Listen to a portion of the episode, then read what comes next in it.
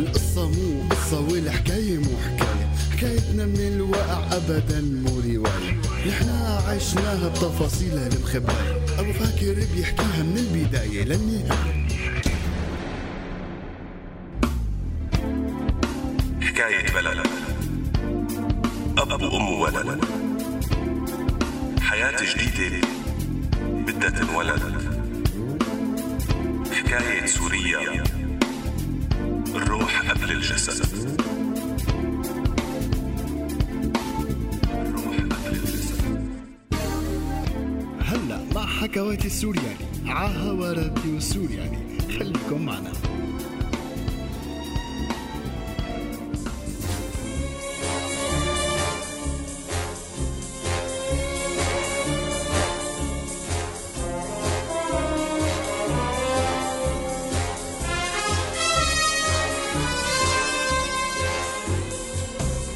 كمل حسان عسكريته وهو عم يلعب على الحبلين غصب عنه. حبل مع المخابرات العسكرية يلي طلبوا منه إنه يكون عين إلهم جوات الكلية ويجيب لهم معلومات عن الضباط وعن مدير الكلية. وحبل مدير الكلية يلي ورطه بكل القصة وحطه بخانة اليك يا بيتعاون معه أو بمضي عسكريته بالطول والعرض بين إهانات وسجن وتعذيب. فقبل وصار عيونه وأدانه لمدير الكلية على الأمن العسكري. يجيب له أخبارهم مين باعتين عناصر جوات الكلية وعلى مين هن هلأ مركزين من الضباط وبدهم معلومات عنه. يعني بالمحصلة صار شي بيشبه العميل المزدوج.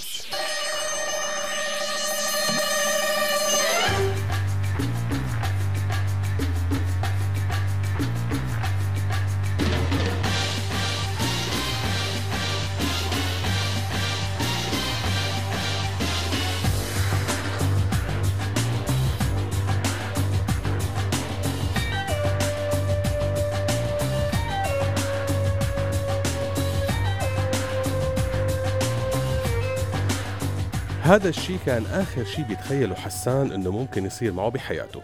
يعني كتير مرات بشبابه وطفولته سمح لخياله إنه يسرح لمحلات غريبة يتخيل حاله فيها يتخيل مستقبله كيف حيكون. كان كتير يحاول إنه ما تكون أحلامه وردية يعني يحاول يتخيل حاله بمحلات مو كتير حلوة ولا كتير ناجحة مشان ما يتفاجأ بالمستقبل الحقيقي اللي حيصير معه. بس حتى أوطى محلات تخيل حاله فيها ما كانت بتشبه المكان يلي لقى حاله فيه. كان يحس حاله صغير كتير. صغير وقليل أصل. مو هيك تربى ولا هيك تعود يعمل. مو هيك كان متوقع يكون ولا حابب يكون. بس الضرورات تبيح المحظورات. هيك قال له رفيقه جمال وقت حكاله شو عم بيصير معه بأول إجازة نزلة بعد ما صار مخبر. حكاله هو مقهور. فرد عليه جمال وقال له يعني يبعتوك على سجن تدمر أحسن؟ أو يخلوك مسحة الكلية وكل ضابط متطوع حقه نص فرنك يصير يتمرجل عليك ويفش عقده فيك ويتفنن بالعقوبات يلي حيعاقبك ياها يعني بس إذا قرر مدير الكلية إنه يطش خبر بقلب الكلية إنه خطك حلو وعوايني وعم تكتب تقارير بالضباط والعساكر. متخيل شو حيصير فيك؟ إيه بقى أسمع مني أو لا تحملها كتير. كمل عسكريتك بسلام وكون مرتاح فيها أحسن لك من كل هالتفكير هاد. ليكك ما أحلاك. هاي نزلت إجازة بدون ما تدفع شي. بس دفعت من أخلاقي وأعصابي. رد حسان. فضحك جمال وقال له أخلاقك ما بتفيدك تحت الفلقة ولا بقلب بركة السياقات يلي ممكن يغطسوك فيها. العاب عمي العاب العاب رح أخدك خشب. كملوا لعبة المحبوسة اللي كانوا عم يلعبوها وحسان فكره سارح بوضعه وكيف ممكن يكمل. بس مع الأيام صار يحس إنه هذا الوضع مارق يعني شوي شوي تعود على القصة. تعود على زيارة مكتب اللواء الليلية كل أسبوع مشان يعطيه تقرير مفصل شو سمع ومع مين التقى خلال هالأسبوع تعود على سهرة الشدة مع عناصر الاستخبارات العسكرية يلي بحجتها بيتبادلوا المعلومات يلي عندهم وبيسلموها للعنصر المسؤول عنهم. تعود يسمع أحاديث رفقاته يلي عم يفضفضوا فيها لبعض بالسهرة بالمهجع. يسمع على أنها مصدر معلومات وما يتعامل أبدا معها على أنها مشاعر إنسانية. وصار يوم ورا يوم يطور قدرته على فتح الأحاديث وسحب الكلام من الناس. صار يعرف بسرعة يلقط نقاط ضعف كل واحد ويبلش يلعب عليهم مشان يفتح قلبه ويحكي يلي جواته. صار يقدر ينكش جروح العالم ويخليها تطلع. تطلع وتطالع معها أسرار الواحد ومعلومات عن حياته كلها.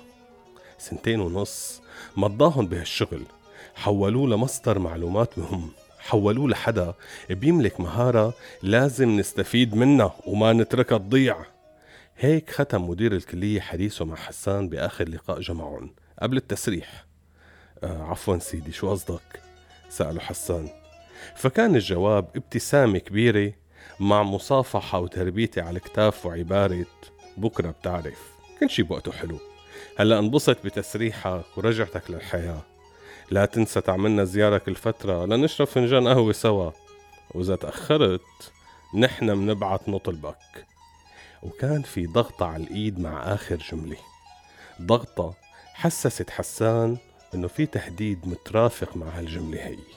في تهديد ووعيد كتير واضحين. يعني أنا ما خلصت؟ يعني لسه بدي أبقى عم أشتغل عوايني حتى بعد التسريح؟ بدي أبقى عم أجي وأعطي تقرير لسيادة اللواء؟ أسئلة كتيرة كانت بباله وهو راجع على بيته بعد التسريح أسئلة حرمته وفرحة التسريح اللي كان ناطره من سنتين ونص كان عم يحلم فيه لحتى يرجع حر حر بدون خوف من أي عقوبة أو سجن ومع هالفرحة اللي انسرقت منترك حسان شوي يرتاح ومنروح لفاصل صغير لناخد نفسنا. بنرجع لكم انطرونا ما بنتأخر.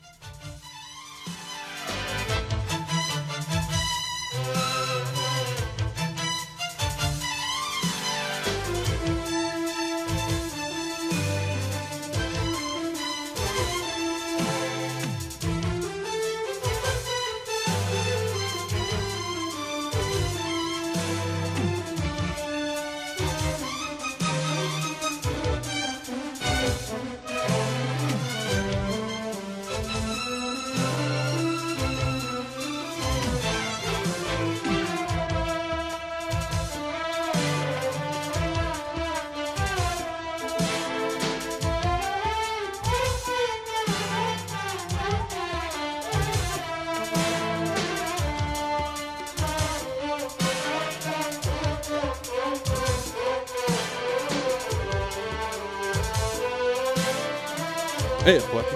بعد ما رجع حسان لحياته العادية ولبس ثياب الورشة ورجع يشتغل مع أبوه وحاول ينسى كل العسكرية واللي صار معه فيها لقى حاله بدون ما يحس عم يسمع الأحاديث اللي بتصير بورشة أبوه يحللها ويحفظها. بيكون عم يشتغل ونازل تحت السيارة ومعبى شحم وزيت بس أدنيه مركزة تماما على حديث صاحب السيارة ورفيقه يلي عم يحكي له عن مشكلة صارت مع ابن حماة وكيف دفعوا لضابط مهم مصاري كرمال يطالعوا منه. بيكون المساء قاعد مع الشباب بالقهوة عم يلعبوا برتية شدة ونازين خناق مع بعضهم على تسمية اللعبة ومين فتح بالقص وليش طعميته الختيار لشريكك. بس هو بيكون مفوكس على حديث الطاولة يلي جنبهم يلي عليها شباب عم يحكوا بصوت واطي ومقربين على بعض. رغم كل ضجة القهوة صار يقدر يسمع كلمات تساعده ليفهم الحديث ويعرف كيف زبط واحد منهم عسكريته وعم ينصح رفيقه بالضابط اللي ساعده وقد ممكن يدفع حتى يفيشه. وغيرهم وغيراته من المواقف اللي صارت معه خلال أول شهر له بالحرية من العسكرية. حرية ما شعر فيها بشي. غير إنه لساته مستعبد وعم ينفذ تعليمات مطلوبة منه. حس على حاله قد إيه تغير وفكر إنه لازم يعمل شي. مو صح يبقى هيك. لازم يوقف هالعادة.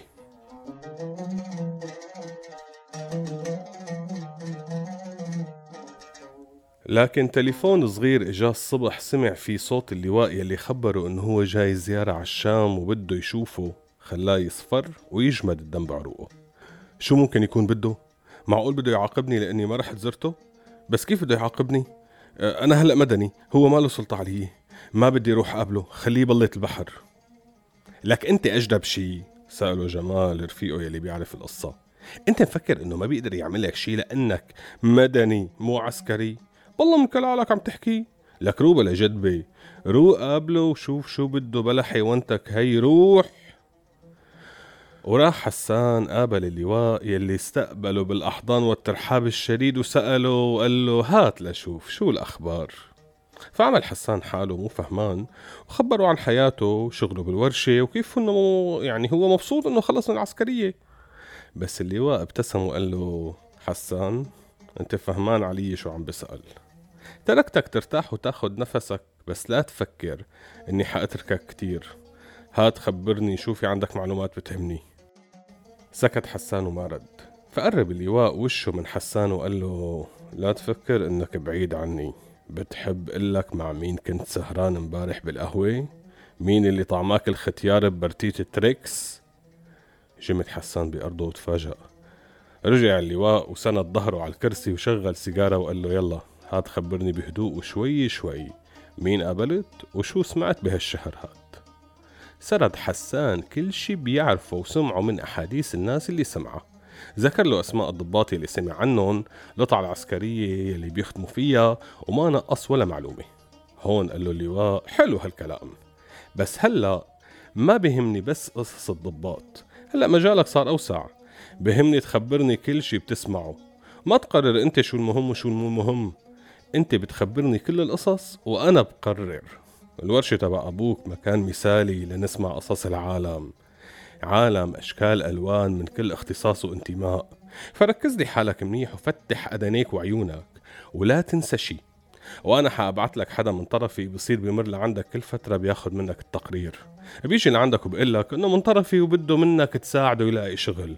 هيك بتعرف إنه هذا هو وبتخبره كل شي مفهوم؟ حسان ما عرف شو يرد بقي ساكت وجامد فقرب اللواء لعنده وقال له لا تفكر كتير واطمن هذا الشغل مو ببلاش. طالع ظرف من جيبته وعطايا وقال له كل فترة بيوصلك ظرف مثل هاد وكمان إذا احتجت شي أو إذا وقعت بشي مشكلة فيك تتصل فيي وتخبرني. أنت هلأ صرت محسوب علي ومن زلمي وأنا ما بترك زلمي يحتاجوا شي. قام وترك حسان قاعد لحاله صافن والظرف بإيده. صافن بهالحياة يلي علق فيها. ويلي بدون ما يحس صارت جزء من حياته وتعود عليها. صارت سهلة عادية. حواسه كلها صارت مسخرة لهالشي. صار يسعى ورا المعلومة والخبرية ويجيبها وين ما كانت. هيك خمس سنين وهو عم يتواصل مع اللواء عن طريق مجموعة من المندوبين اللي بيتغيروا كل فترة. حتى صار شهر أدار 2011 وقتها تغيرت القصص وتغير الوضع وتغير المطلوب منه. بس كمالة القصة الحلقة الجاية لأنه خلص وقتنا اليوم استودعناكم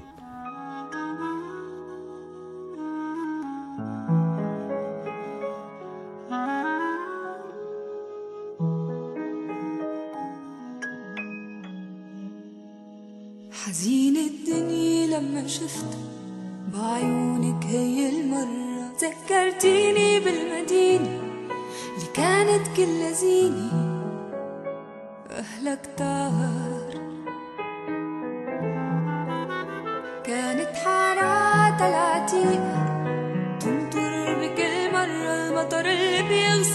طرقاتها بيسرع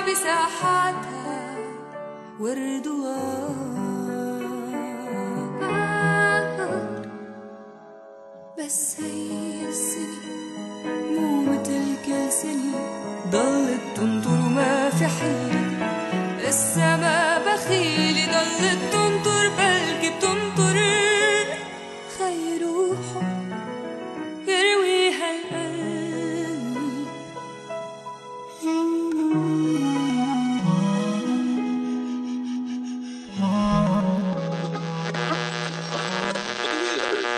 هذا البرنامج من إنتاج راديو سوريالي 2016 عم تسمعوا راديو سوريالي.